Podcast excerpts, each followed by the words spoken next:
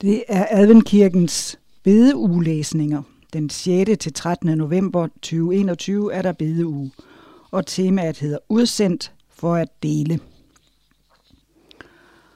Og på side 1 der er der en introduktion. Det er Ted Wilson, formand for generalkonferencen i 7. dags Adventistkirken, som skriver først. Hidtil uset er et udtryk, som ofte bruges til at beskrive de seneste udviklinger rundt omkring i verden – Aldrig før er så mange verdensomspændende begivenheder sket inden for så kort tid i forhold til hinanden, og de har påvirket næsten alle områder af vores liv på en hurtig og dramatisk måde. Der er mange opfattelser af, at noget stort snart vil ske, men forudsigelser om fremtiden er uklare og usikre. Hvis tiden nogensinde har været inde for syvende dags adventister til at forkynde de tre engles øh, budskaber fra Johannes åbenbaring, kapitel 14, vers 6-12, så er det nu. Vi får at vide, at der er intet arbejde, som er så vigtigt som det at forkynde denne sidste advarsel til en døende verden. I løbet af dette års bedeugelæsninger vil vi dykke ned i disse afgørende budskaber, hvis kerne består af Jesus Kristus og hans retfærdighed – i det han forsøger at tydeliggøre nødvendigheden i at forene vores liv med hans. Syvende dags Adventistkirken er en profetisk bevægelse, som blev valgt af Gud på et specifikt tidspunkt i verdenshistorien til at forkynde et bestemt budskab, som kun kunne blive givet i denne tid, nemlig de tre engles budskaber fra Johannes' åbenbaring. Tiden er nu kommet til igen at studere disse budskaber – til at bede med åbne hjerter om Guds vejledning, og, og til at lægge os i hans hænder og sige, jeg vil gå ud og forkynde de tre engles budskaber. Må Herren velsigne dig på en helt speciel måde, mens du tilbringer tid med ham i løbet af denne verdensomspændende bedeuge. Og så er der intro til forfatterne. Forfatterne i dette års bedeugelæsninger for voksne er et unikt far-datter-makkerpar. Angel Manuel Rodriguez er velkendt af læserne af Adventist World, da han er forfatter til den månedlige klumme Bible Questions Answered. Bibelske spørgsmål besvaret. Da han gik på pension i 2011, havde han arbejdet i Adventistkirken som leder af det Bibelske Forskningsinstitut i Generalkonferencen – i sammenlagt 19 år. Rodriguez blev født i Puerto Rico. Han fik en doktorgrad i teologi fra Andes University og har arbejdet inden for Antistkirken som præst, underviser og administrator. Hans datter, Dixie Lisbeth Rodriguez, fik en doktorgrad i retorik fra Texas Women's University, og hun har arbejdet som universitetsprofessor og hospitalspræst. Jeg nyder at undervise, men jeg brænder virkelig for humanitære missioner og for præstegærningen. Det var hendes svar, da hun blev spurgt, hvad hendes yndlingsbeskæftigelse var. Både far og datter nyder at have dybtegående samtaler om teologi. Og så er der børnenes bedeuge, det er Randy Fischel. Han er forfatter til børnenes bedeugelæsninger. Han er kendt af mange for sit arbejde som redaktør for magasinet Guide – han er desuden ophavsmand til den populære serie for børn Tucker Barnes and Friends.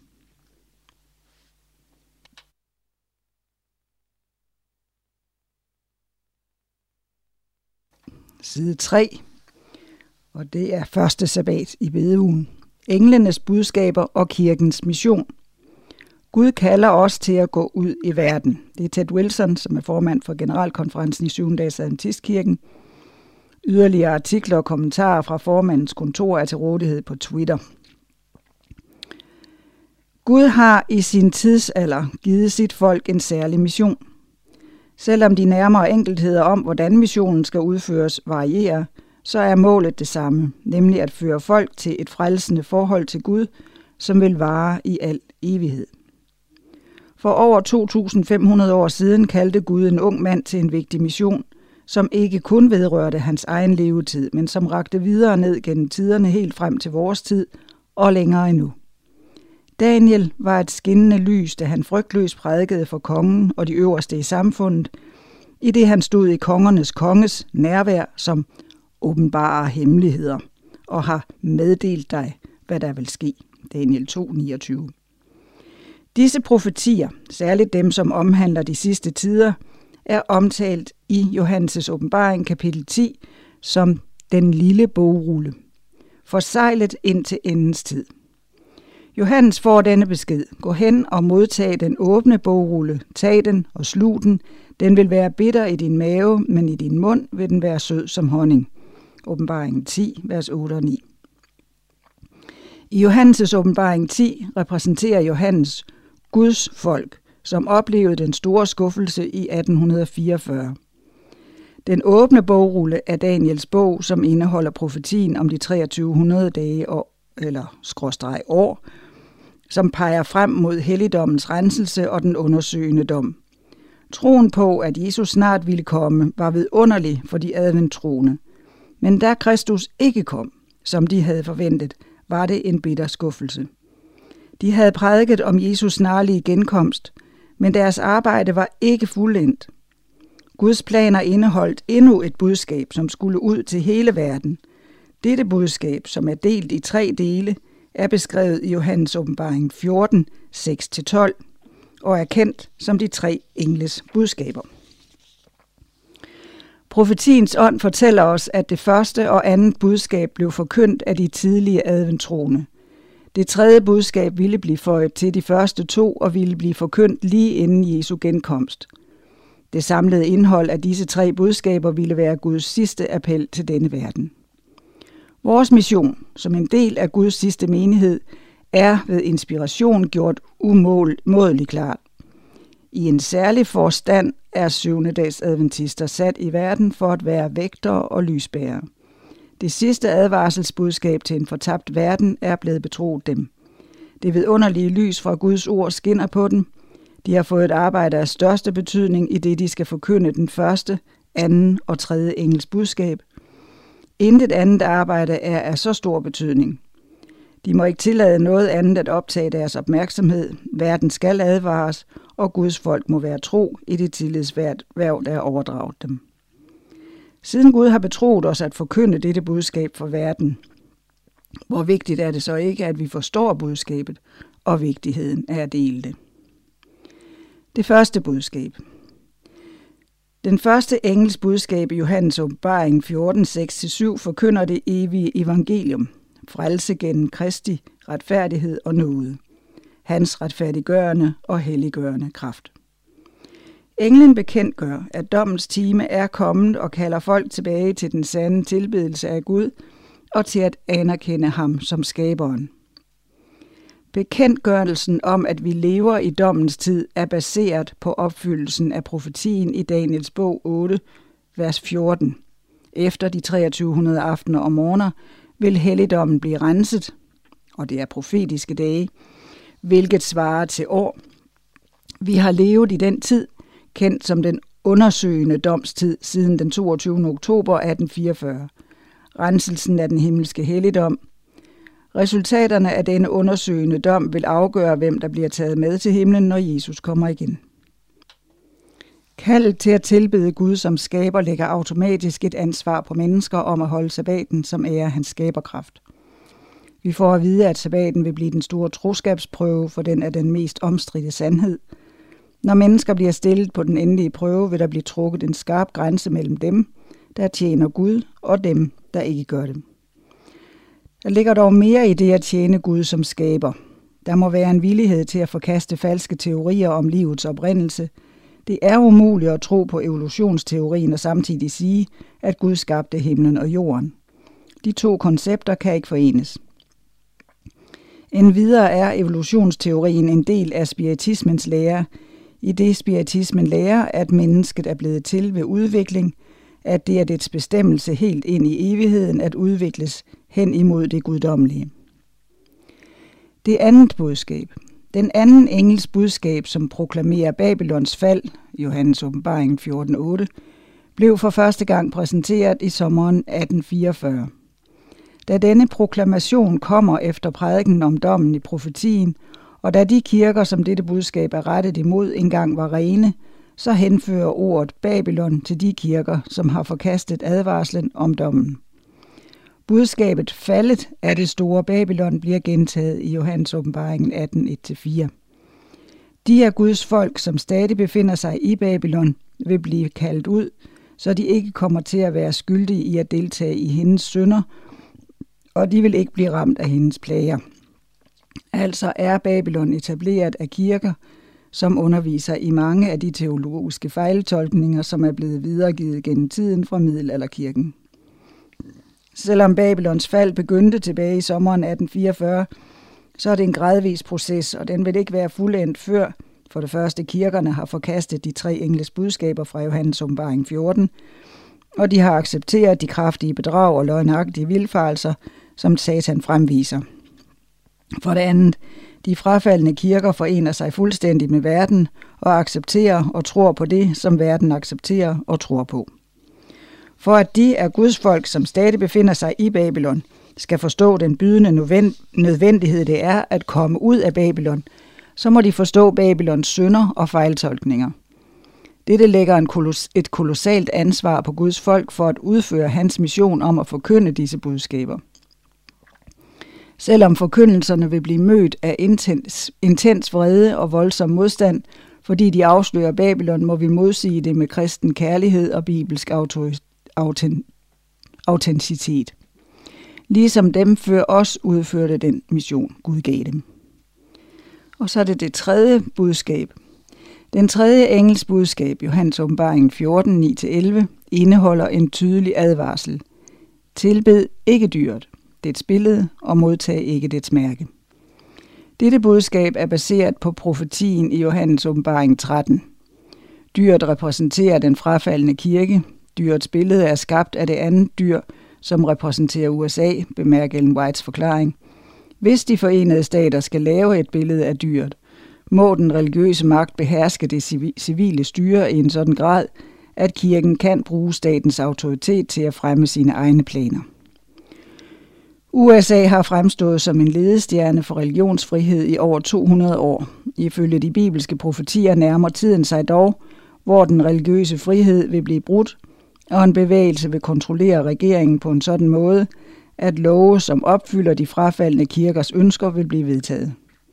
Slutresultatet af billedets dannelse vil være en intolerance over for enhver, som er uenig med de krav, som dette kirke statsforhold forlanger. Dyrets mærke, helligholdelsen af den falske sabbatsdag, er en institution, som helt tydeligt fremmer dyrets autoritet. En kirke kan med frimodighed prale af, at den har ændret den syvende dags sabbat fra lørdag til søndag. Andre kirker tilkendegiver, at de helligholder søndagen på grund af Kristi opstandelse. Ingen af de påstande har et bibelsk grundlag. Frafaldende religiøse ledere vil blive fyldt med vrede, da de ikke vil være i stand til at modbevise de bibelske bevis, beviser for helligholdelsen af lørdag – og sabbatshelligholdere vil blive forfulgt og fængslet.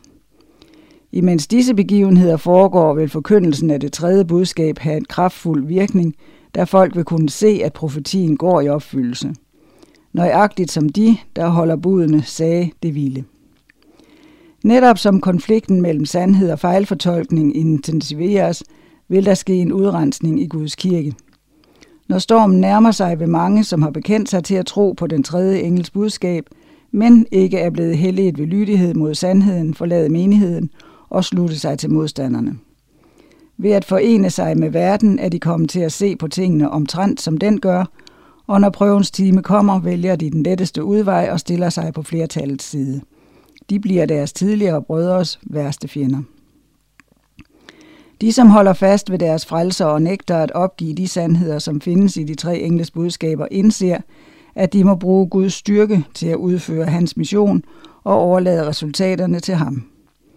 Guds tjenere vil med ansigter, der lyser af hellig iver, haste fra sted til sted for at forkynde budskabet fra himlen.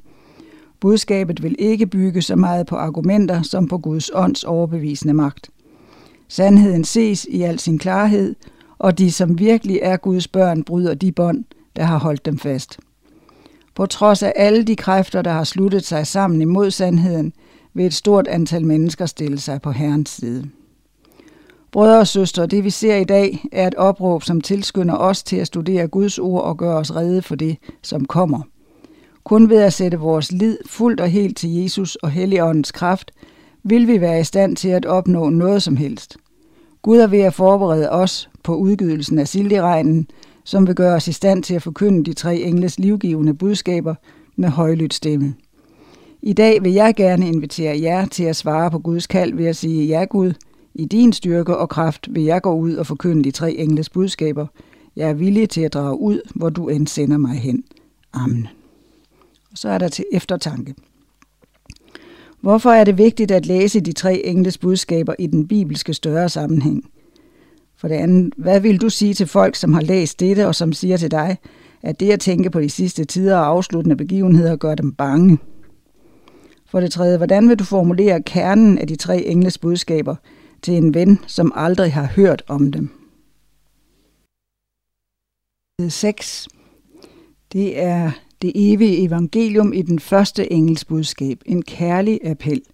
Og det er læsningerne her fra søndag til fredag er skrevet af Angel Manuel Rodriguez og Dixil Lisbeth Rodriguez. Engle dalede ned over byen Bethlehem og forkyndte det glade budskab om frelserens fødsel, Lukas 2, 8-11. Og nu, kort før Jesu genkomst, kommer englene igen og forkynder om den frelsende kraft i det evige evangelium. Faktisk er det sådan, at evangeliet fungerer som bogstøtter i hver sin ende af de tre engles budskaber, åbenbaringen 14, 6-12. Det evige evangelium er nævnt i starten, vers 6, og i slutningen finder vi troen i Jesu frelsergærning, retfærdiggørelse ved tro i vers 12. Den første engel forkynder evangeliet i en sammenhæng med Guds afsluttende dom. Den anden engel bekendt gør det evige evangeliums sejr og sammenbruddet over Babylons falske evangelium i vers 8. Den tredje engel fortæller om den afsluttende dom, det tidspunkt, hvor de onde kræfter vil anerkende Guds kærlighed og retfærdighed, som blev åbenbart gennem lammet i vers 10.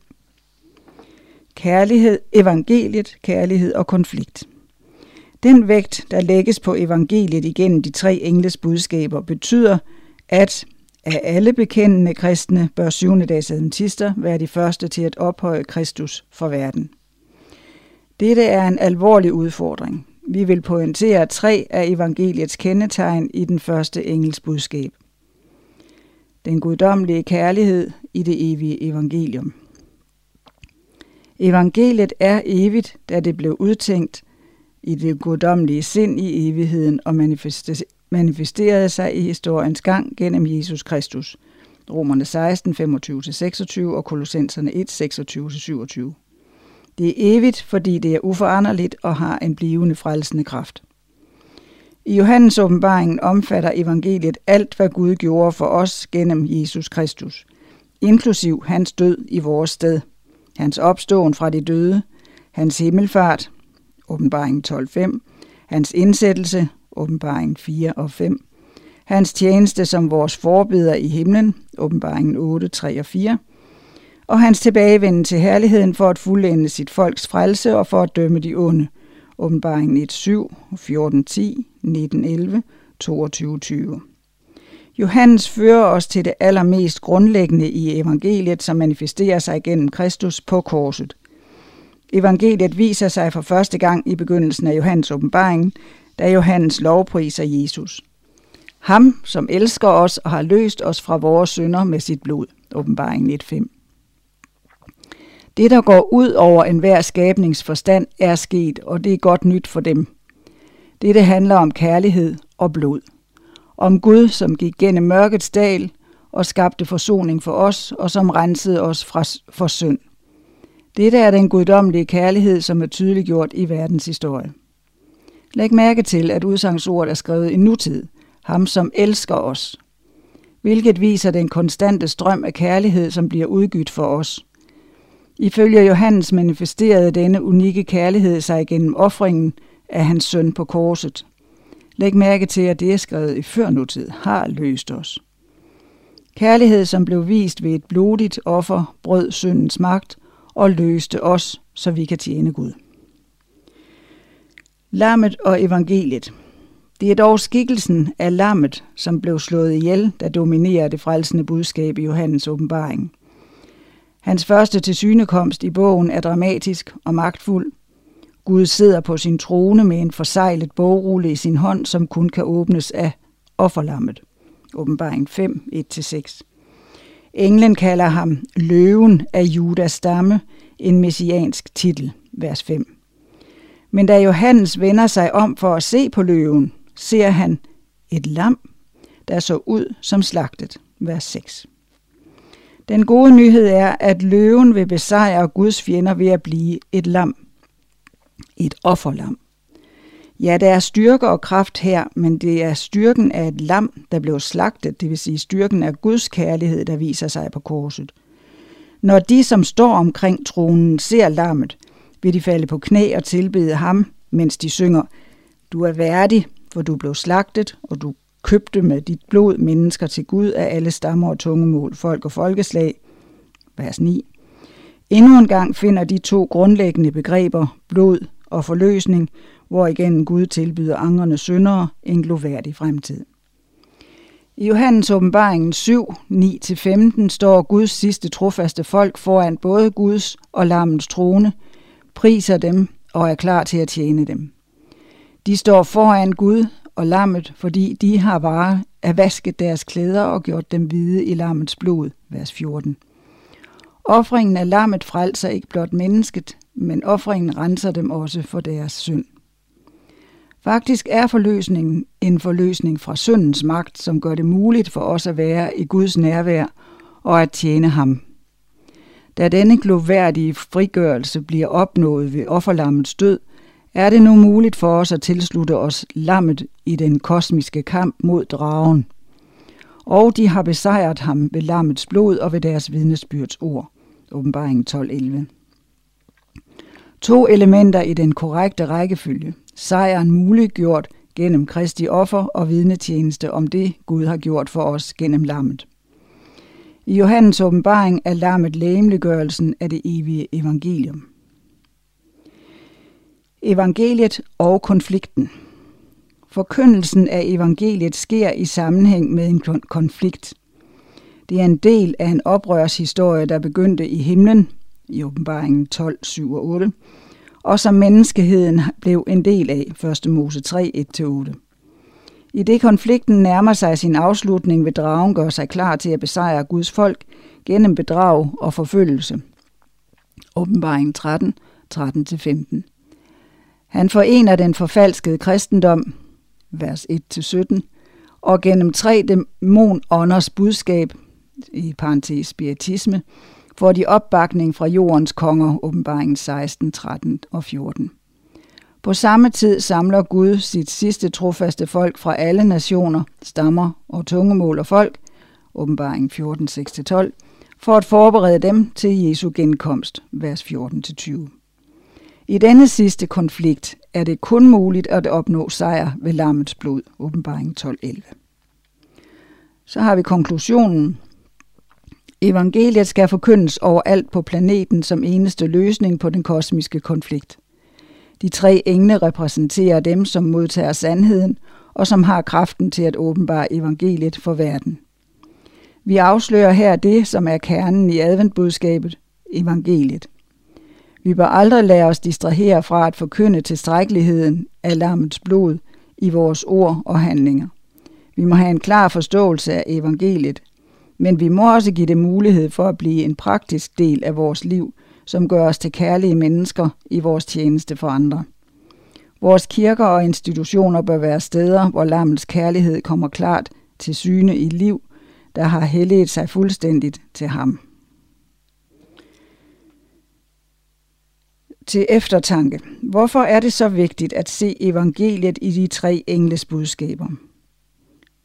2. Er du bange for domsbudskabet i Johannes åbenbaring? Hvorfor eller hvorfor ikke? 3. Hvordan kan vi kommunikere på en effektiv måde om lammet og evangeliet i Johannes åbenbaring for en sekulær verden? Side 8. Det evige evangelium i den første engels budskab. Anger og dom. Forkyndelsen af det evige evangelium fører til en appel til mennesker om at stå på Guds side i den kosmiske konflikt, åbenbaring 14.7. Gud respekterer menneskets frihed og inviterer hver enkelt individ til frit at reagere på hans plan for dem. Denne allervigtigste beslutning vil afgøre hvert enkelt menneskes evige skæbne. Kaldet svarer til, at forældre, som ser, at deres barn er ved at tage en forkert beslutning, vil gøre alt for at fraråde dem at gøre det. Appellen kommer fra en kærlig Gud. En global appel. Hvor afgørende dette valg er, bliver udtrykt gennem tre udsangsord, som står i bydeform. Frygt Gud, giv ham æren og tilbed ham. Vi vil se på dem mere detaljeret. Frygt Gud. Frygten for noget kan åbne vores øjne, så vi gør noget for at undgå faren. I Bibelen kunne Guds tilstedeværelse skabe frygt. Hvem ville ikke skælve foran en Gud, som viser sig i et gloværdigt og uigennemtrængeligt lys, og som får naturen til at ryste og vige tilbage foran ham? Mennesker frygter for deres liv, ikke fordi Gud truer dem på livet, men fordi de indser, at selve oplevelsen er så intens, at de frygter, at de ikke overlever den. 2. Mose 20, 19. Denne enestående Gud nærmer sig sine skabninger, fordi han længes efter at være deres Gud. Grunden den frygt, som viser sig i skælven og redsel, drages de til ham i ærefrygt, udtrykt gennem taknemmelig lydighed mod ham, gennem tilbedelse og i et fællesskab med ham, som er selve livet. 5. Mose 5, 26 og 27. Dette er ægte, respektfuld frygt for den skabende og frelsende Gud. 2. Mose 20, 1, åbenbaring 4, 10 og 11 og 5, 8 og 9. Den bedste bibelske sammenligning for appellen om at frygte Gud, åbenbaring 14.7, er prædikernes bog i 12, vers, kapitel 12, vers 13 og 14. Bydeformen er brugt i begge passager. Frygt Gud, hvilket indikerer, at det er en påtrængende sag. Og for det andet kaldet er universelt, derved at det er henvendt til alle mennesker. Det skal, til, det skal alle mennesker, prædikerne 12.13, øh, for dem, der bor på jorden, åbenbaring 14.6. At frygte Gud er forbundet med dommen. Han kræver dig til regnskab, prædikerne 12.14, for timen er kommet, da han dømmer, åbenbaring 14.7. Det at frygte Gud er associeret med at holde hans bud. Frygt Gud og hold hans bud, prædikerne 12.13, de hellige, dem som holder fast ved Guds bud, åbenbaringen 14.12. Den første engel er indtrængende i sin invitation til mennesker om at gøre denne gloværdige Gud til deres personlige Gud og at vise frygt for ham, eller ærefrygt, ved at være lydige over for hans kærlige vilje. Alternativet er at frygte eller underkaste sig dragen for at undslippe døden, åbenbaring 13.15. Det er dog kun ham, som er den, som lever, der er døde og som nu lever i evighedernes evigheder. Kun lammet, som blev offret, kan bevare det evige liv. Åbenbaringen 1.18 Giv ham æren. Mennesker må tilsidesætte deres stolthed og i stedet tilskrive Gud al ære og heder. Englen udpensler, hvordan mennesker, som er involveret i en kosmisk konflikt, hvor Guds retfærdighed og kærlighed bliver anfægtet, bør prise ham. Udtrykket giv Gud æren bliver brugt i Bibelen i sammenhæng med dom, at anerkende menneskets syndige natur og Guds retfærdige dom. I et sådan tilfælde er udtrykket en bekendelse af skyld, Josva 7.19, og eller et udtryk for anger.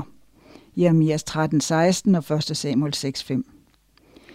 I Johannes' åbenbaring beskriver, beskriver det at give Gud æren for det første, hvad der foregår i himlen, der hvor de fire væsener erklærer med en stemme, at Gud er værdig til at modtage æren, fordi han er skaberen. Åbenbaring 4, 9-11.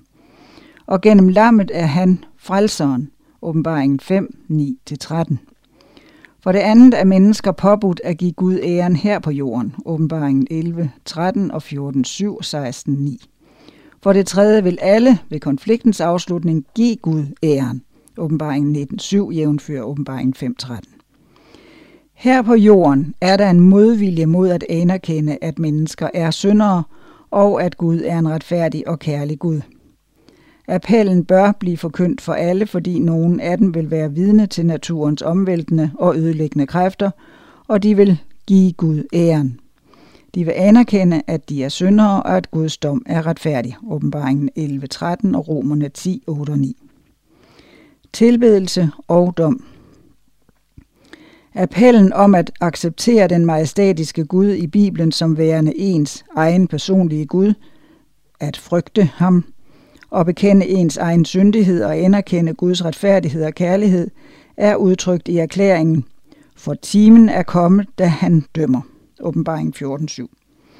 I princippet er dommen en juridisk søgen efter sandheden. En forbrydelse af kosmiske proportioner blev begået af onde kræfter, da de angreb integriteten af Guds kærlige natur. Dog vil hans navn blive frikendt af den, i den afsluttende dom.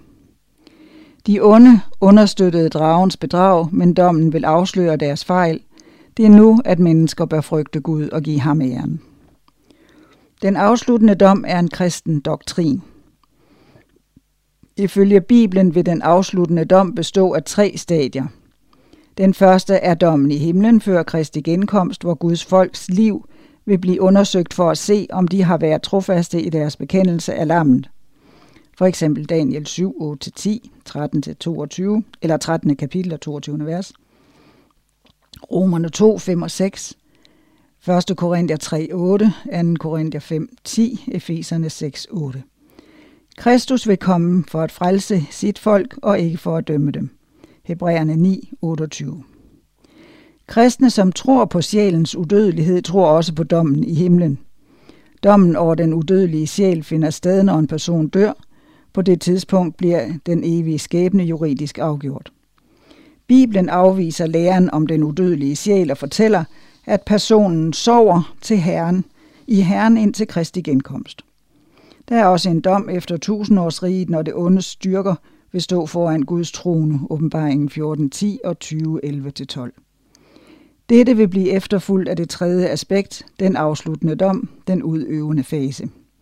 Åbenbaringen 20. Når kosmos vil blive renset fra al synd, denne gloværdige begivenhed blev i det gamle testamente symboliseret ved forsoningsdagen og pegede hen imod det øjeblik, eller den time, i historien, hvor domsprocessen ville begynde, ifølge den himmelske kalender i 1844.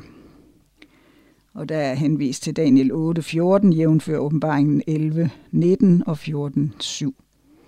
Mens vi lever i denne forsoningsdags modbillige tid, skal vi tilskynde mennesker til at frygte Gud og give ham æren. Konklusion. Bibelens gloværdige og ufattelige Gud ønsker at være vores Gud – men det er vores beslutning. Den afsluttende dom vil åbenbare, at det var gennem Kristi kors, Gud åbenbarede sin grænseløse kærlighed og frelste syndere som os. For nuværende har vi besluttet at frygte ham og give ham æren ved at stå på lammets side i den kosmiske konflikt. Og så er der til eftertanke, hvordan kan vi sætte de tre engles budskaber i Johannes åbenbaringen i relation til evangeliernes budskab om kærlighed – Hvordan kan vi give Gud æren i vores daglige liv? Og hvorfor er løftet om en guddommelig dom et håbefuldt budskab i en verden, som er styret af ambition, synd og ondskab? Side 10, tirsdagsafsnittet. Det evige evangelium i den første engels budskab, tilbed skaberen. Der står, derfor er det, at det at tilbede ligesom at være hjemme, fordi vi er i vor fars nærvær som gav os liv gennem en kærlig skabende handling. Det himmelske budskab, som blev forkyndt af den første engel, skal give genlyd overalt i verden. Det skal appellere til alle om at frygte Gud, give ham ære og tilbede ham som skaberen. Åbenbaringen 14.7. Tilbedelse fører os til kernen af det kosmi- den kosmiske konflikt, som udfolder sig til at tilbede skaberen og ikke den faldende kerub, jævnfør Matthæus 4.9 hvis hensigt er at fjerne Gud for evigt fra en del af hans skaberværk. Under konflikten er tilbedelse testen på troens sande værdi. Tilbedelse, en måde, måde at vise sin loyalitet over for lammet. I Johannes' åbenbaring, kapitel 14, vers 7, er det græske verbum at tilbede, prokuneo, proskuneo, hvilket bogstaveligt talt betyder at knæle ned eller kaste sig næsegrus til jorden. Når det pålægges mennesker, betegnes det som værende en hyldest. Men når Gud er objektet, så betegner verbet, at man bøjer både sin krop og sin sjæls indre som et udtryk for vores faldende selvs frigørelse for i stedet at finde helhed i ham, som er centrum og målet for vores liv. Tilbedelse som en bekendelse af ens tro på Gud. Himmelske væsener falder på knæ og tilbeder Gud foran hans trone, mens de erklærer, værdig er du, vor Herre og Gud, til at få pris og ære og magt, for du har skabt alle ting. Åbenbaring 14.11. De vedgår, at de tilbeder Gud som skaber, og de inviterer mennesker til at slutte sig til dem i tilbedelse. Selve handlingen at tilbede er i bund og grund en bekendelse af ens tro på Gud. Ham, som vi bekender som vores skaber. Denne bekendelse af tro gennem Helligånden er dybt indgroet i vores indre og bliver udtrykt gennem ord og handling. Men får sit inderste jeg til at knæle i fuldkommen overgivelse. Romerne 10, 9 og 10. Faktisk har det at tilbede skaberen meget med livet at gøre, da han er kilden til vores liv.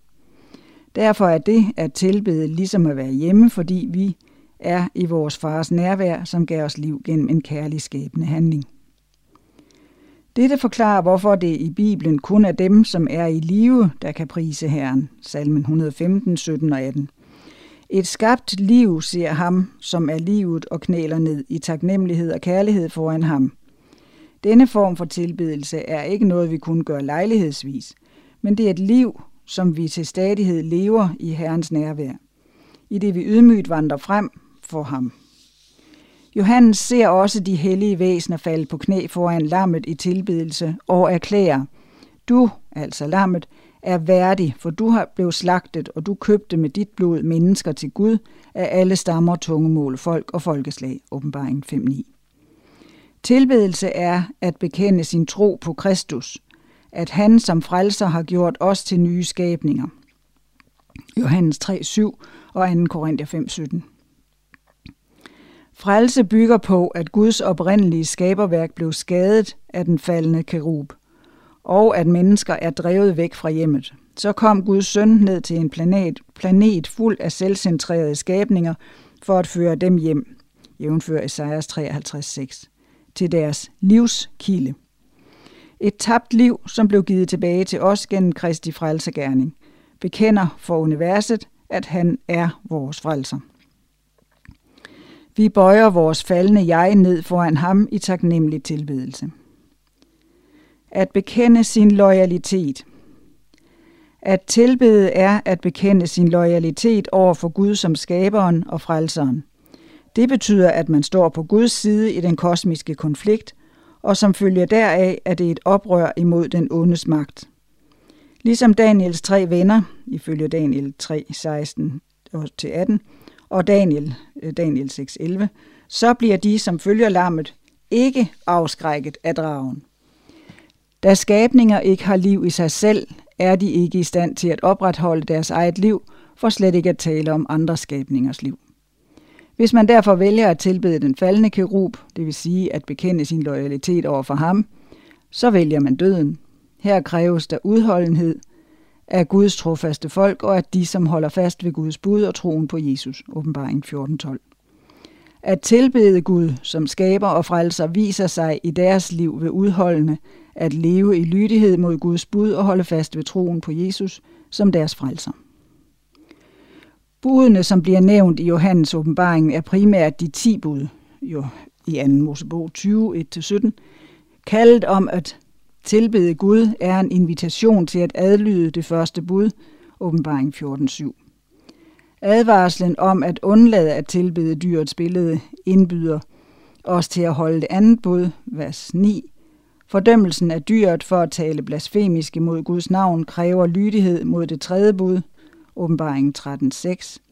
Forpligtelsen til at tilbede Gud, som har skabt himlen og jorden, hav og kilder – åbenbaring 14.7, bruger sprog og tanker fra det fjerde bud, 2. Mose 20.11, som påpeger vigtigheden af spørgsmålet om, hvem man tilbeder. Hvis sabbaten var blevet helligholdt over alt, ville mennesker have rettet deres tanker og kærlige følelser mod skaberen. De ville have æret og tilbedt ham, og der ville aldrig have eksisteret en afgudstyrker, en Guds fornægter eller en vantro. Sabbaten er ikke kun et mindesmærke om skabelsen, men den er også et mindesmærke om ham, som gennem Kristus skabte alt. Det er uundgåeligt, at dragen vil sætte dette mindesmærke til side for evigt. Dette forklarer, hvordan sabbatspørgsmål vil være et anlæggende i den store konflikt, som hele verden vil tage del i. På nuværende tidspunkt er der to måder, hvorpå afvisningen af sabbatsbuddet finder sted. Den første kommer fra den frafaldende kristenhed gennem afvisningen af den syvende dag som den bibelske sabbat, og gennem promoveringen af søndagshelligholdelsen. Den anden kommer fra den naturvidenskabelige forskningsverden. Evolutionsteorien har fjernet eksistensen af en transcendental og personlig skabende Gud fra mange videnskabsmænds bevidsthed. På denne måde blev mindesmærket, altså sabbaten, om skaberen ignoreret. Ifølge dem er der ingen skaber, og der er ikke brug for ham, fordi alt omkring os er et resultat af tilfældige og meningsløse naturlige processer. Der er mange kristne, som har prøvet at harmonisere evolutionsteorien med den kristne tro. De argumenterer for, at Guds skaberværk fandt sted gennem en lang evolutionær proces, som foregik i form af magtkampe, lidelser, overlevelser og død. Denne Gud ligner overhovedet ikke den kærlige Gud fra Bibelen, som er både skaber og frelser. Det er i denne sammenhæng, at den første engel kalder alle til at tilbede Gud. Det er et spørgsmål om liv og død. Og konklusion. Konflikten er i fuld gang, og den grundlæggende bekymring er tydelig. Hvem er værdig til at blive tilbedt? Kun Gud, som skabte alt gennem Kristus, og som frelste os gennem lammet, er værdig til at til, blive tilbedt. Kun selve livets kilde kan skabe og genskabe liv gennem frelsen. Dette bekender vi som sandheden i det, vi knæler ned foran Gud og lammet i tilbedelse. Til eftertanke. Tænk over denne udtalelse fra teksten i dag. Selve handlingen i at tilbede er i bund og grund en bekendelse af ens tro på Gud. Hvordan kan dette præge vores tilbedelse? For det andet, hvorfor er det vigtigt at forstå sammenhængen mellem tilbedelse og skabelsen? Hvordan kan vi, for det tredje, hvordan kan vi viderebringe den første engels budskab til folk omkring os, som tror på evolutionsteorien på en kreativ og indtagende måde? Side 12, onsdagsafsnittet. Den anden engels budskab. Evangeliet besejrer al modstand. I Johannes åbenbaring bliver de onde kræfters handlingsmønstre gengivet som en efterligning af Guds. Som eksempel har Gud tre engle, som forkynder evangeliet for verden, åbenbaring 14, 6-12, og dragen har tre dæmonånder, som går ud til kongerne i hele verden for at samle dem til den endelige konfrontation mod lammet, åbenbaring 16, 13 og 14. Den anden engels budskab er baseret på denne tankegang. Gud har en by, og dragen skaber sin egen by, nemlig Babylon. Babylon forkynder et budskab for mennesker, som er en forfalsket udgave af evangeliet, derfor vil det ikke sejre. Babylon og lammet. Den anden engel forkynder gode nyheder. Faldet, ja, faldet er det store Babylon, som skænkede op for alle folkeslagene af sin utugtsharmes vin, åbenbaringen 14.8. I det følgende vil vi gå mere i detaljer med hensyn til de centrale elementer i dette budskab. Oldtidens Babylon og den faldende kerub. Det hele begyndte i en dal i landet Sinjar, 1. Mose 11.2, hvilket er et andet navn for Babylon, placeret i den sydlige del af Mesopotamien. Efter syndfloden var det der, at mennesker besluttede sig for at bygge en by ved navn Babel. Denne by skulle have et tårn, som strakte sig helt ind til himlen. Vers 4. I beretningen er navneordet, som Babel stammer fra, taget fra det hebraiske verbum balal, som betyder at blande, hvilket indikerer, at Babel betyder forvirring. Beretningen handler om et projekt, som forener mennesker i et fælles mål. Den handler om menneskelige handlinger og bedrifter, som bunder i en bekymring, der handler om selvopholdelse. Den handler om en menneskelig ambition, som overgår enhver fatteevne – fordi den har i sinde at tilegne sig herredømmet over både jorden og himlen, ja alting. Det er en ambition af kosmiske proportioner, som består i at bygge en kosmisk by, totalt uafhængig af Gud, som vil sammensmelte de to vigtigste eksistentiels områder, nemlig det menneskelige og den guddommelige. Babylonerne kaldte byen Bab Ilalani, gudernes port, muligvis fordi byen blev set som en kosmisk by, der forenede mennesker på jorden med guderne i himlen. Den bibelske historie handler om et oprør imod den guddommelige plan for mennesker. 1. Mose 9, 7 og 11, 4. Byggeprojektet og dets formål blev afbrudt, da Gud som den uindbudte blandede sig ved at forandre menneskets sprog som den forenede faktor. 1. Mose 11, 7 og 8. Babylons stolthed og indbilskhed har nået sit fulde omfang i Esajas, da Herren erklærer sin dom over Babylon, repræsenteret ved dets konge, Esajas 14:3-23. Afsnittet bruger den faldende kerubs største ambitioner til at beskrive kongen af Babylons ambitioner og intentioner, og ved at gøre dette afslører Gud kerubens sande korruption. Du sagde ved dig selv, jeg vil stige op til himlen, højt over Guds stjerner rejser jeg min trone, jeg tager sæde på bjerget, hvor guderne samles, gør mig lige med den højeste. Vers 13 og 14. Denne samme ambition har på en eller anden måde også fundet vej ind i menneskets hjerte. Selvom det historiske Babylon faldt, er kerubens ambitioner stadig i live, og han vil prøve at opfylde dem i de sidste tider. Babylon i de sidste tider og den faldende kerub. Det gamle Babylons sande natur og formål bliver nu brugt som en model for Babylon i de sidste tider. I Johannes åbenbaring er Babylon først og fremmest en uren treenighed. Den udgøres af tre magter, forenet for at fremme den faldende kerubs agenda. Åbenbaring 16.13. Disse tre magter er for det første dragen, der ser ud til at indtage Guds rolle, for eksempel øh, åbenbaring 13.2 og 4. For det andet dyret fra havet, som ofte imiterer Kristus, for eksempel åbenbaringen 1, 8 og 13-14. Og for det tredje dyret fra jorden, som også bliver kaldt den falske profet, og som udfører store tegn, for eksempel åbenbaringen 13, 13 og 19, 20. I den historiske fortolkningsmodel af de apokalyptiske profetier repræsenterer dyret fra havet den kristne kirke i middelalderen. Dyret fra jorden repræsenterer USA's protestantiske kristendom, og dragen, spiritismen, som baserer sig på den hedenske tanke om den udødelige sjæl, gennem hvilken Satan udfører bedrageriske mirakler. Åbenbaringen 16, 13 og 14. For det andet er Babylon i de sidste tider et udtryk for frafalden kristendom i globale dimensioner. Det er en del af Laudikea-menigheden, som ikke tog imod Kristi kald om at åbne døren og vende tilbage til ham. Åbenbaring 3, 14-22. Da hun er rig, åbenbaringen 18, 3, 11-13, og har smukke klæder, vers 16 og 19, er der ikke brug for den rigdom og de klæder, som Kristus tilbyder alle, nemlig evangeliets rigdom, åbenbaring 3.18. De dyr, som udgør Babylon, er ikke dyrene, som er socialt eller økonomisk undertrykkende i det moderne samfund, men de er udtryk for en kristendom, som vil være i opposition til Guds folk i endetiden, åbenbaring 13.15. For det tredje rækker Babylon ud til verden med et falsk budskab om frelsen.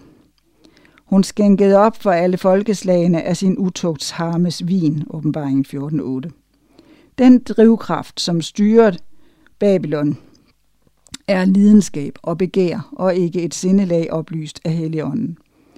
Ved at dele utugtens vin bliver Babylon identificeret med en utro hustru, hvilket antyder hendes utroskab mod Herren. I det gamle testamente blev Israels utroskab mod Gud vist ved at skabe alliancer med nationer som at, for at beskytte dem selv, Ezekiel 16, 26-29, og ved at antage andre nationers religiøse praksiser og tro, Jeremias 2, 20 og 21 og Ezekiel 6, 9 og 16, 23. De begge var udtryk for frafald, salmen 106, 35-39, i Johannes' åbenbaring forsøger Babylon at få opbakning fra jordens konger, åbenbaringen 17, 12 og 13, og understøtter bedraget og tilbedelsen af dragen, åbenbaringen 13.4. For det fjerde, i processen med at etablere endetidens Babylon, rækker dragen ud mod den ikke-kristne verden for at forene den i den frafaldende kristendoms overbevisninger. Dette vil helt klart blive en vanskelig opgave, eftersom planeten er fuld af et utal af globale religioner, fjendtlige politiske magter, modstridende tankegange og endda ateisme og sekularisme. Den mest effektive metode, som dragen kan benytte for at nå sit mål, er at bruge overnaturlige fænomener. Der findes næppe noget mere effektivt til at forandre folks loyaliteter end en overnaturlig oplevelse, som virker til at være ubestridelig. Johannes' åbenbaring taler om udøvelsen af store mirakler, som dragen og hans håndlanger vil udføre, om som vil resultere i forandringer på det sociale, politiske og religiøse plan. Lige nu virker dette som en umulighed at forudse. Åbenbaring 13, 13 og 14. Lammets triumf. Hvad er det, som Babylon specifikt har at tilbyde verden?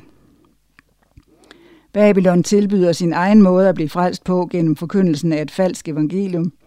Gud tilbyder verden evangeliet om frelse gennem lammet. Babylon tilbyder hende vin. Vin er ofte et symbol på Guds frelsende velsignelse til sit folk. Babylon forsyner sine tilhængere med hendes egen frelsende velsignelse, nemlig hendes åndelige umoralskhed. I det gamle testamente bliver vin kaldt drueblod, for eksempel 5. Mose 32:14 hvilket er et fantastisk symbol på Jesu blod og liv. Under den sidste nadver tilbød Jesus disciplene vinen, som repræsenterede hans liv, som blev givet til søndernes forladelse. Matthæus 26, 28. Dette er den gode nyhed i evangeliet. I Johannes evangeliet tilbyder Jesus sit eget blod som eneste livskilde for syndere. Johannes 6, 53 og 54, jævnfører Johannes 19, 34.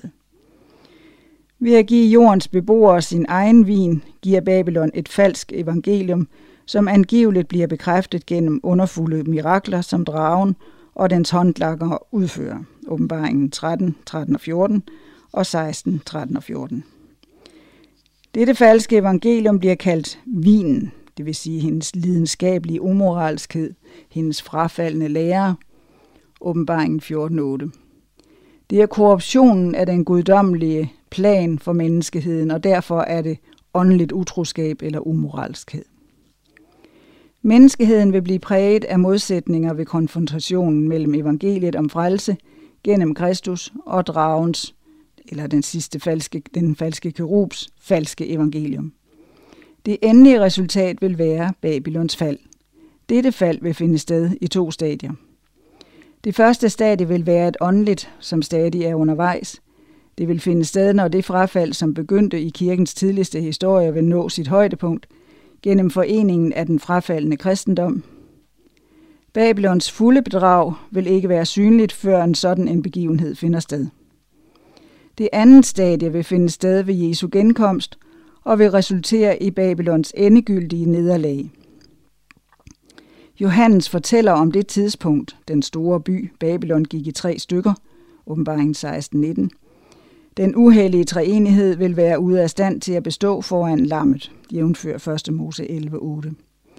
De vil føre krig mod lammet, men lammet vil sejre over dem, åbenbaringen 17.14. De onde vil prøve på at skjule sig for lammets tilstedeværelse, åbenbaringen 6.16. Det er ikke løvens angreb, der vil besejre dem, men hvad offerlammet, som døde for vores synder, har gjort. Lammet læmeliggør evangeliet og kommer ud af konflikten i triumf. Så har vi en konklusion. Babylon er endnu ikke synlig for verden i hele sin fylde. Som allerede nævnt tidligere begyndte frafaldets proces i den tidligste kristne kirke og vil nå kulminationspunktet kort før Kristi genkomst. 2. Thessaloniker 2, 1-10. Det er vigtigt for os at observere, hvad der foregår mellem protestanter og katolikker.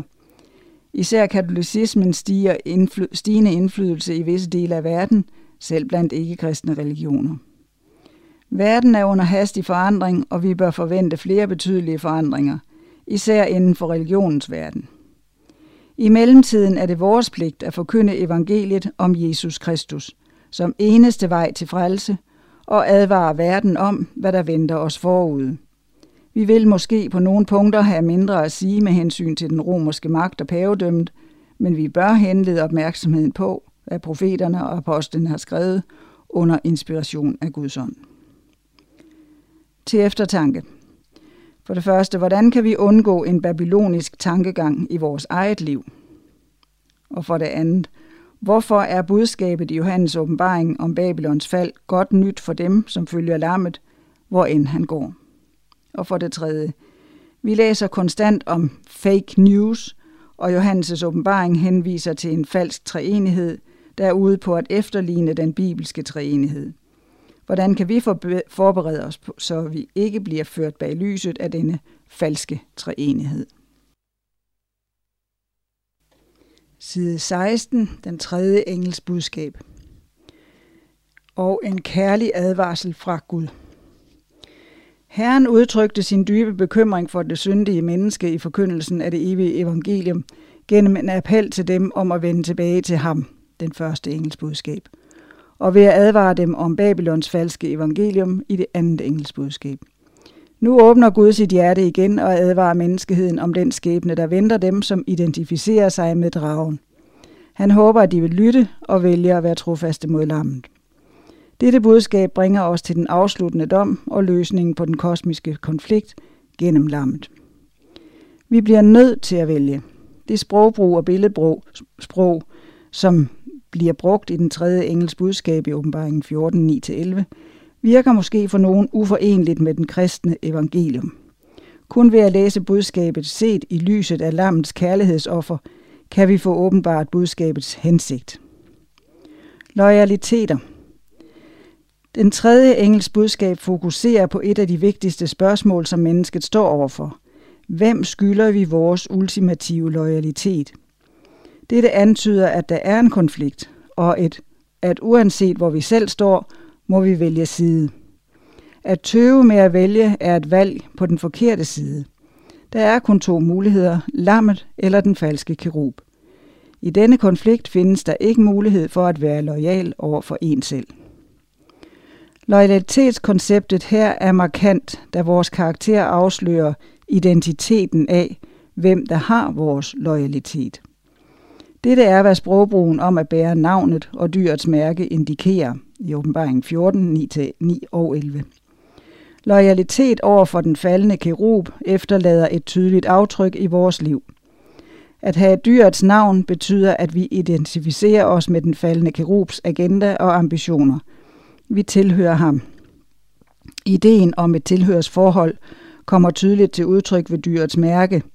Et tegn på din loyalitet på hånden og på panden er synlig for alle og får andre til at tænke, at denne person tilhører den faldende kerub. 2. Mose 13.9. Mærket er et symbol på den autoritet, som vi er lojale overfor. Hvis vi ser på den frafaldende kirkes historie og leder efter et autoritetssymbol, der afslører ens loyalitet under konflikten, så er det klart søndagen. Påstanden om at have autoritet til at ændre Guds lov er uovertruffen. Guds autoritet, som indstiftede den syvende dag som sabbaten til hvile og helligdag, blev fortiget af den menneskelige stemme, som forandrede sabbaten til søndag. Guds lov vil spille en markant rolle i den afgørende konflikt. Læg mærke til sammenhængen mellem tilbedelse og dyrets mærke i Johannes åbenbaring 14.9. Hvis nogen tilbeder dyret og sætter dets mærke på sin pande eller hånd, disse to elementer er uadskillelige, da søndag er en dag for tilbedelse, og man underordner sig den, er det på samme tid en tilbedelseshandling. To bud bliver overtrådt, det første og det fjerde. Søndag bliver en forfalsket udgave af sabbaten, som er et tegn på Guds ukrænkelige autoritet vin og ild. De ondes endelige skæbne er at opleve Guds vrede.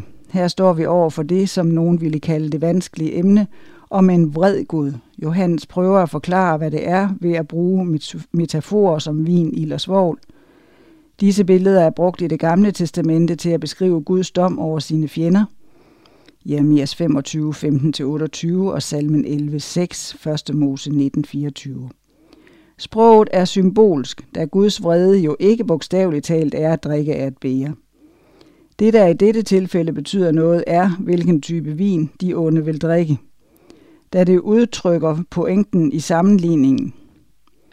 Denne vin var ikke blandet sammen med vand, hvilket var almindeligt, men dens berusende kraft blev forøget gennem brugen af krydderier, åbenbaring 14.10. De onde vil opleve Guds vrede ublandet af noget, der vil ikke være plads til anger, åbenbaring 22.11. Den anden metafor er ild og svovl. De onde vil blive pint med ild og svovl eller med brændende svovl. Dette metafor sammenligner oplevelsen af Guds vrede med den smerte, som man føler, når brændende svovl rører ved vores krop. Guds vrede er en smertefuld oplevelse. Metaforen bygger også på det faktum, at det, som bliver ødelagt af ilden, ikke kan blive gendannet. Det er ødelagt for evigt. Tanken er, at Guds vrede vil resultere i den endelige udryddelse af det onde, hvilket bliver kaldt den anden død, åbenbaring 20, 6 og 14. Ilden er evig, fordi det, der brænder, bliver for evigt ødelagt. Det brænder, indtil der ikke er noget tilbage. Esajas 34, 9 og 10 og Judas 1, 7. Der er ingen hvile for de onde, som oplever den anden død. Kristi lidelse. Den smertefulde og endelige død for de onde er noget, som vi slet ikke kan forestille os, da ingen endnu har oplevet det. Den eneste undtagelse er Jesus Kristus, og han gennemgik den, så vi kunne undslippe den. Ingen skulle gennemgå den anden død under den afsluttende dom. Der er i hvert fald ingen gyldig grund for det. Et kristuscentreret syn på den afsluttende dom må nødvendigvis forbinde det med Kristi dom på korset. Der tog han dommen over verden på sig selv. Johannes 12:31. Og bar verdens synder som et offer. Johannes 1:29. Han drak af Guds doms bæger over den syndige menneskehed. Johannes 18:11. For at de, der tror på ham som frelser, ikke skal fortabes, men have evigt liv. Johannes 3:16. På korset oplevede han sin dåb gennem ild, og han sagde, jeg er tørster, Johannes 19:28. På korset led guddommen sammen. Gud led med sin søn, som kun Gud kan lide, for at verden kunne blive forligt med ham. Den ulidelige smerte, som han følte, var ikke så meget den fysiske smerte, men en indre smerte, da han erkendte, at han var adskilt fra faderen. Matthæus 27, 46. Noget lignende vil overgå de onde under den afsluttende dom, når de indser, at de vil blive adskilt fra Gud for evigt. Konklusionen. Denne konflikt handler bestemt om loyalitet. Guds advarsel lyder truende på grund af den alvorlige situation, som mennesket kommer til at befinde sig i. Hans åbenhed afslører et hjerte i smerte, for Gud ønsker ikke, at hans skabninger skal dø.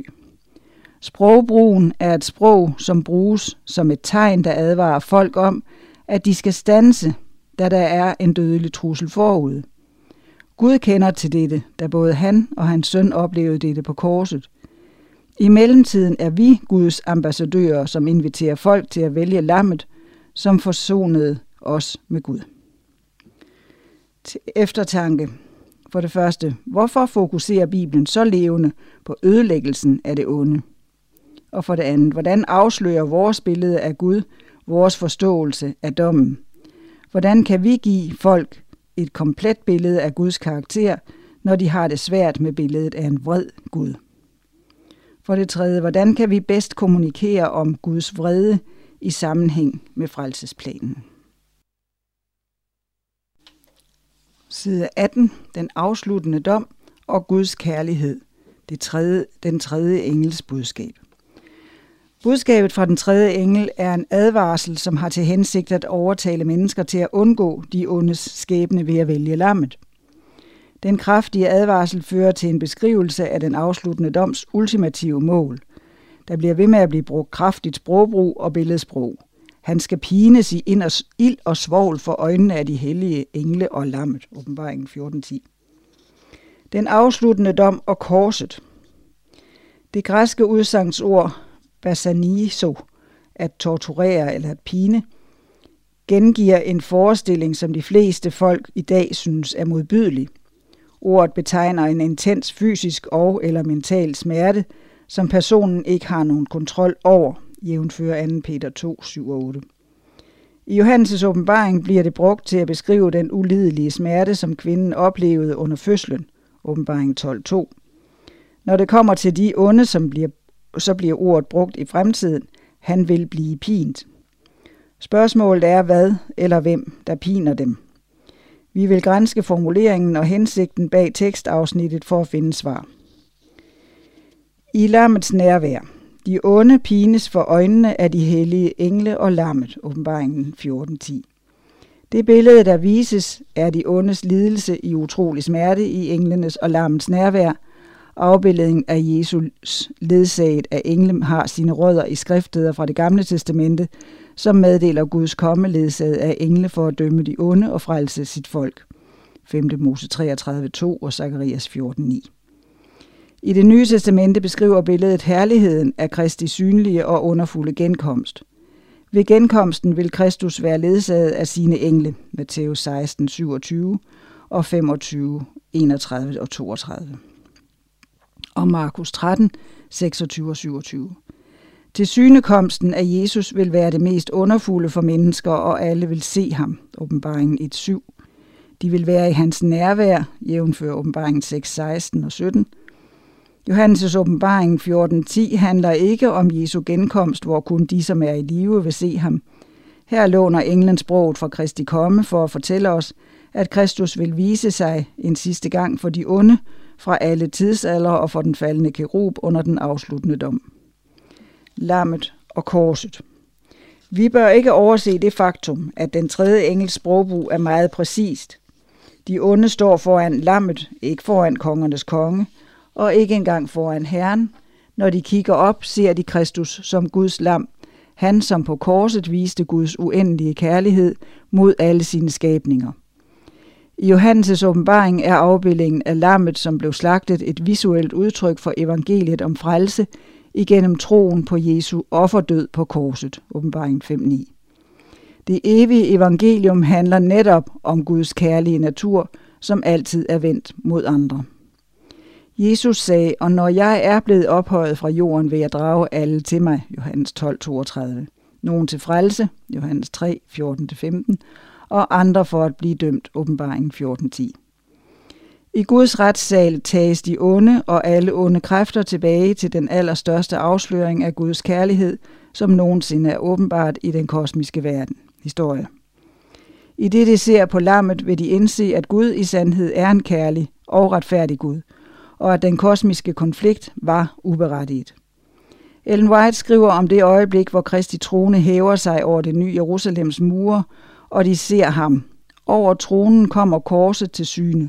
Hun skriver også over for synet af Golgata, med dets ufattelige offer vil syndere komme til at stå fordømte. Vi kunne måske konkludere, at det, der piner de onde, er Guds kærlighed stillet til skue gennem lammet, denne kærlighed vækker deres skyldfølelse, og de ser sig selv, som de virkelig er. Og samtidig indser de, at de for evigt er adskilt fra en så vidunderlig Gud. Smerten vil være ekstrem ulidelig. Det vil være korrekt at sige, at Guds kærlighed åbenbart i offerlammets død, som fylder Guds folks hjerter med glæde, og taknemmelighed vil fylde de ondes hjerter med ulideligt smerte og skyld. Havde de taget imod frelsens gave, som de blev tilbudt gennem lammet, ville de have undsluppet fordømmelsens dom. Til synekomsten af lammet over for de onde vil bringe den kosmiske konflikt til en fredelig afslutning. En kosmisk harmoni. Under den afsluttende dom vil det mest troværdige bevis, som Gud vil præsentere i sin domstol over for de onde og satan og hans dæmoner, være hans selvopoffrende kærlighed, som kom til syne på korset gennem det slagtede lam. Faktisk er dette det eneste bevis, han vil præsentere, og det er tilstrækkeligt. Dets overbevisende magt kan ikke begribes, fordi det vil holde hele universet sammen gennem evigheden. Mens de onde magter betragter det slagende offer, vil de erkende og bekende, at Gud i sandhed er retfærdig i sin dom. At de fortjener at dø, fordi det er, hvad de har valgt, Johannes forudså dette øjeblik, da han skrev, og hver skabning i himlen og på jorden og under jorden og på havet, med alt hvad de rummer, hørte jeg sige ham, der sidder på tronen og lammet, være pris og ære og lov og magt i evighedernes evigheder. Åbenbaring 5, 13 jævnfører Judas 1, 14 og 15. Hele kosmos vil med én stemme bekende, Jesus Kristus er Herre til Gud Faders ære, Filipperne 2, 1, 11. Kosmos vil blive renset for alle de onde kræfter og resultaterne af deres gerninger i den sidste store brand. Og jeg så en ny himmel og en ny jord, åbenbaringen 21.1. Konklusionen. Kærligheden er rammen omkring den kosmiske konflikt. Før syndens oprindelse pulserede universet i perfekt harmoni gennem kærlighedens kraft, og inden konflikten er over, vil kærligheden bringe alt tilbage i perfekt harmoni. Kernen i de tre engles budskaber er denne mest vidunderlige historie af kosmiske dimensioner, og som hele verden skal høre i forberedelsen for Jesu genkomst. Kirken må sætte alt ind på, at hver enkelt af dens læresætninger, særligt dens eskatologi, læren om de sidste tider, og handlinger sættes ind i tjeneste for det evige evangelium om frelsen ved troen på lammet, jævnfør åbenbaringen 14.12. Dette er Herrens budskab til verden, og det bør lægemliggøres gennem vores ord og handlinger. Til eftertanke. For det første, hvordan kan vi dele den fuldendte balance mellem kærlighed og retfærdighed i Guds karakter med andre? For det andet, diskuterer følgende citat fra teksten i dag. Kærlighed er rammen omkring den kosmiske konflikt. Hvordan påvirker det vores daglige vandring med Jesus? For det tredje, hvordan kan vi dele den gode nyhed om de tre engles budskaber med den næste generation af adventister på den bedste måde? Side 20. De tre engles budskaber. En fast platform. Jeg så en skare, som stod fast og velbeskyttet og ikke lod sig påvirke af dem, der ville rokke ved den tro, som forsamlingen hyldede. Gud så på det med velbehag. Der blev vist mig tre trin, den første, den anden og den tredje engels budskab. Min ledsagende engel sagde, ved den, som vil flytte en blok eller røre en pind i disse budskaber. Den rigtige forståelse af disse budskaber er af den største betydning. Sjæles skæbne afhænger af den måde, hvorpå de bliver modtaget. Jeg blev ført ned gennem disse budskaber og så, hvor dyrt Guds folk havde købt deres erfaring. De havde opnået den ved mig en lidelse og alvorlig kamp. Gud havde ført dem fremad, trin for trin, indtil han havde stillet dem på en solid, urokkelig platform.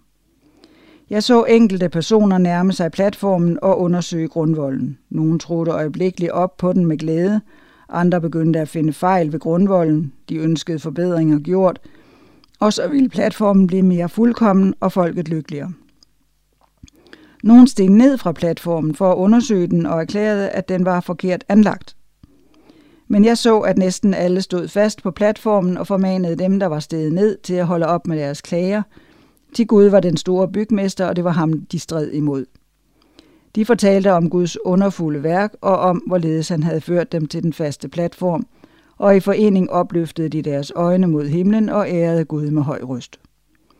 Nogle af dem, som havde klaget og forladt platformen, blev påvirket heraf og trådte i ydmyghed af der op på den. Jeg blev vist tilbage til forkyndelsen af Kristi første komme. Johannes blev udsendt i Elias' ånd og kraft for at berede vejen for Jesus. De, som forkastede Johannes' budskab, fik ingen gavn af Jesu lære.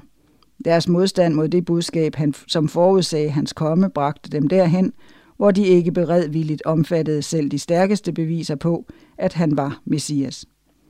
Satan ledte dem, der forkastede Johannes' budskab, til at gå endnu videre, til at forkaste og korsfeste Kristus. Ved at handle således stillede de sig der, hvor de ikke kunne modtage pinsedagens velsignelse, der ville have lært dem vejen ind i den himmelske helligdom. Dette, at forhængen i templet splittedes, viste, at de jødiske ofringer og anordninger ikke længere ville blive modtaget.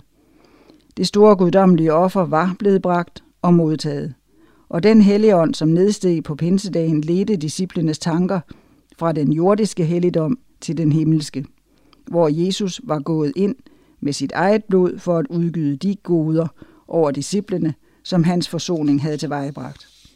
Men jøderne blev overladt til fuldstændig mørke.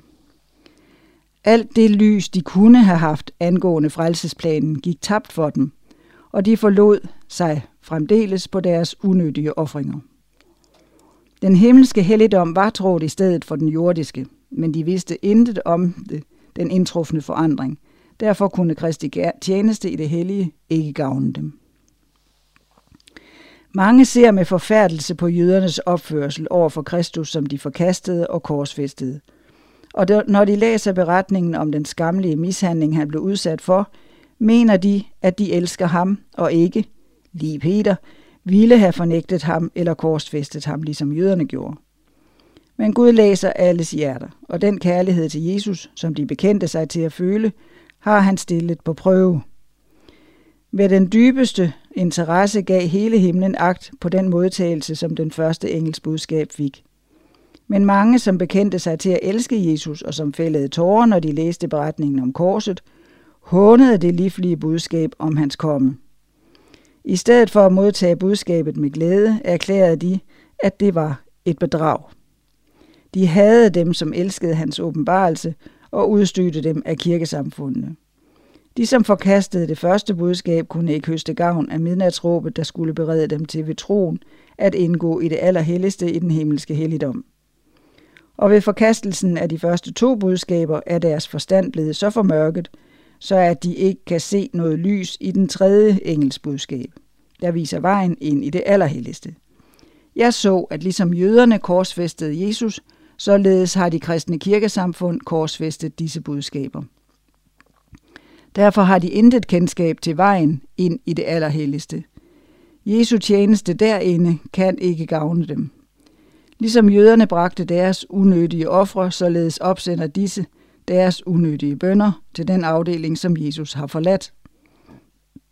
Og Satan veltilfreds med dette bedrag påtager sig et religiøst præg og leder disse såkaldte kristnes tanker hen til ham, virkende med sin kraft, sine tegn og med løgnens under, for at fange dem i sin snare. Nogen forfører han på en måde, andre på en anden. Han har forskellige vilfarelser i beredskab for at påvirke forskellige karakterer. Nogen ser med forfærdelse på et bedrag, mens de med lethed accepterer et andet. Satan forfører også nogen med spiritismen. Han kommer også som en lysets engel og spreder sin indflydelse ud over landet ved hjælp af falske reformer. Disse kirkesamfund hovmoder sig og mener, at Gud virker for dem på en vidunderlig måde, mens det er en anden ånd, der virker. Bevægelsen dør hen og efterlader verden og menigheden i en værre tilstand end før. Jeg så, at Gud har oprigtige børn iblandt de faldende kirkesamfund og iblandt dem, som i navnet hylder adventroen. Og inden plagerne udgydes ved prædikanter og lægefolk blive kaldt ud af disse kirkesamfund og med glæde tage imod sandheden. Dette ved Satan, og inden den tredje engels højråb lyder, sætter han en bevægelse i gang inden for disse religiøse kredse, for at de, som har forkastet sandheden, skal tro, at Gud er med dem. Han håber at kunne forføre de oprigtige og lede dem til at tro, at Gud stadig virker for kirkesamfundene. Men lyset vil skinne, og alle de oprigtige vil forlade de faldende samfund og slutte sig til resten af Guds folk. Det er citeret fra budskaber til menigheden, side 327-331.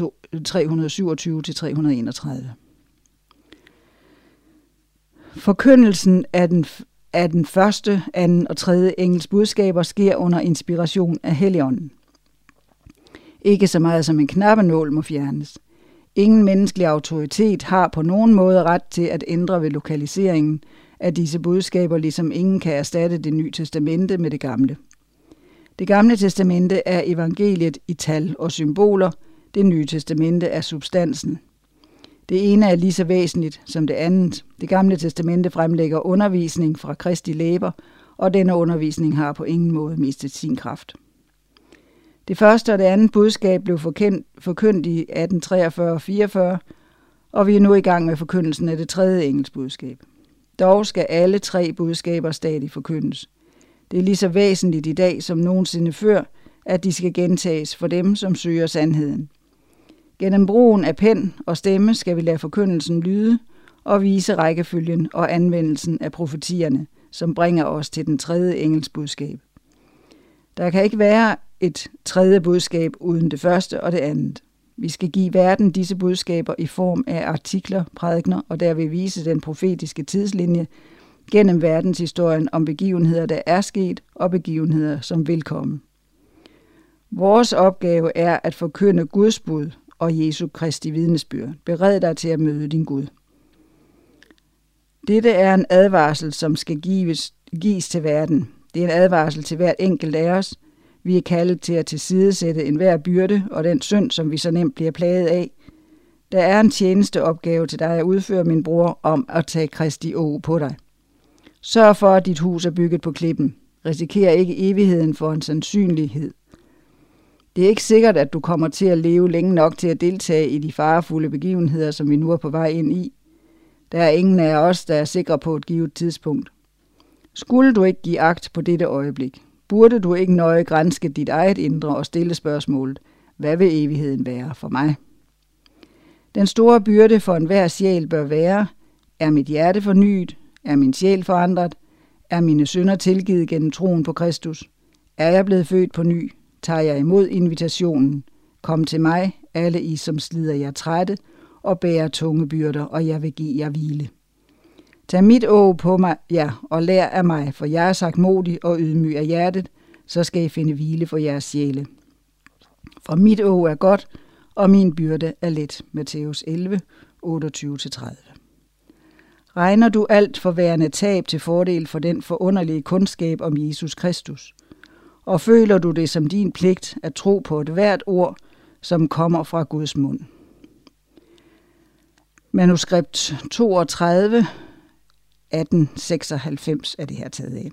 Og den her artikel er i det hele taget uddrag fra budskaber til menigheden, og manuskript 32 fra 1896 skrevet af Ellen White.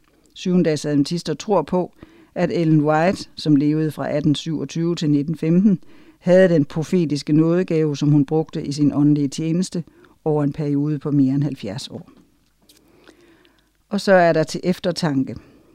For det første, hvad kan vi lære af dem, som forkynder Jesu første komme, forkyndte Jesu første komme? Hvorfor er det vigtigt for dem, som venter på Jesu genkomst?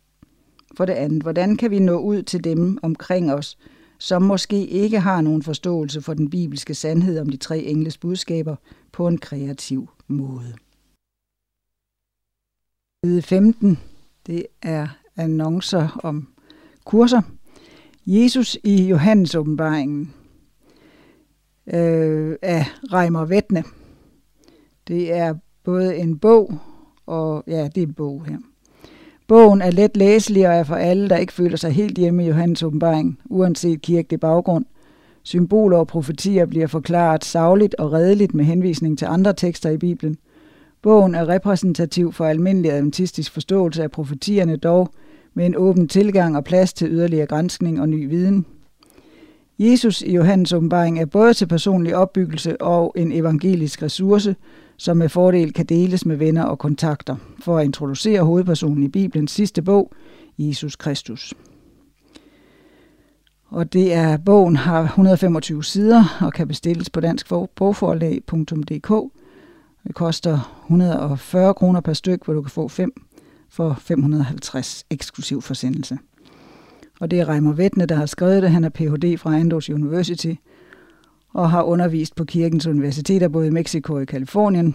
Reimer har arbejdet som præst og distriktsleder i sit hjemland Norge, og han elsker at træne den nye generation af unge ledere i at forkynde et bibelbaseret budskab. Hans passion er at gøre bibelteksten levende i hverdagen. Og så er der øh, korrespondanceskole kursus, gå mere i dybden med Johannes' åbenbaring. Korrespondanceskolens kursus i Johannes åbenbaring introducerer dig til de dramatiske billeder, der fremstilles i Bibelens sidste bog. Mange af dem er taget fra det gamle testamentes fortællinger, derfor bliver du også lidt tilbage i tiden for bedre at forstå dem. Gennem billederne viser Johannes konflikten mellem Gud og Satan, det gode og det onde. Kurset tager udgangspunkt i den historiske fortolkningsmetode og giver indblik i både Bibelens og den kristne kirkes historie. Kurset er ikke nødvendigvis let, og du er måske heller ikke enig i alt med den, men den, der prøver at forstå denne bog, er lovet en velsignelse. Du kan tilmelde dig på kurset på kskolen.dk.